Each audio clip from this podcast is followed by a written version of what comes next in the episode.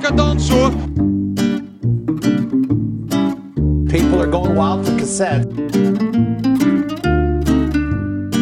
Waar is je fiets? De allereerste Tour de France begint op 1 juli 1903. Het idee om rond Frankrijk te fietsen komt van Henri Desgrange. En het is een poging om de Franse krant L'Auto meer publiciteit te geven. Tegenwoordig is de naam van Desgrange verbonden aan de prijs voor de renner die als eerste het hoogste punt in de Tour bereikt. Die renner wint niet alleen 5000 euro, maar ook de zogenaamde Souvenir Henri Desgrange. Et là, une autre saveur. Victoire sur le Tour de France. Le Tour de France Jean Kirsi, Kenny Van Hummel,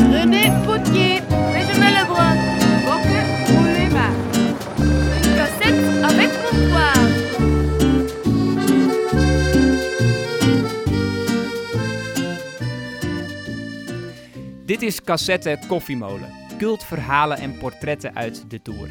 In deze aflevering het verhaal van René Potier. De allereerste klimgeit in de Tour.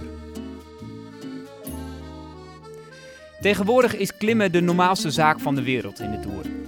Sterker, de Tour begint volgens velen pas als de Alpen of Pyreneeën in zicht komen.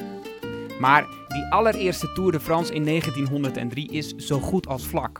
Pas in de derde editie ligt voor het eerst een officiële klim in het parcours. In een tijd dat etappes 400, soms bijna 500 kilometer lang zijn, bedenkt de tourorganisatie dat het een stuk spectaculairder is om bergen te beklimmen en de etappes korter te houden.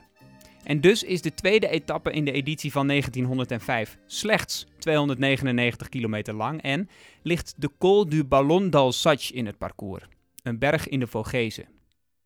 Het is niet oprichter Desgrange, maar zijn collega Alphonse Steinet die met het idee komt om de renners een berg te laten beklimmen. Desgrange zelf is bang dat de renners het niet redden, maar hij durft het uiteindelijk toch aan. En zo gaat de Ballon d'Alsace de boeken in als de eerste officiële beklimming in de Tour de France.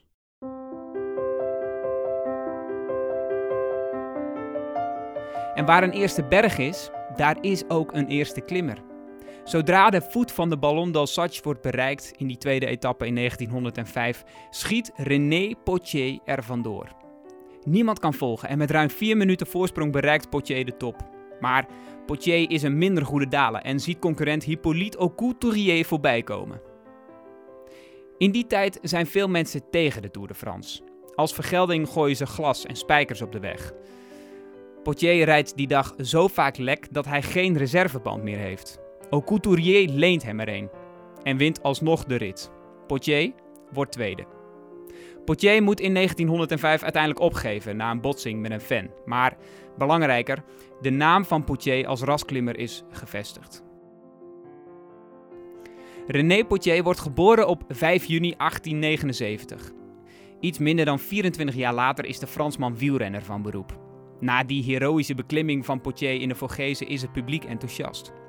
De organisatie van de Tour besluit naast de Vogese ook beklimmingen in het Centraal Massief en de Pyreneeën aan te doen.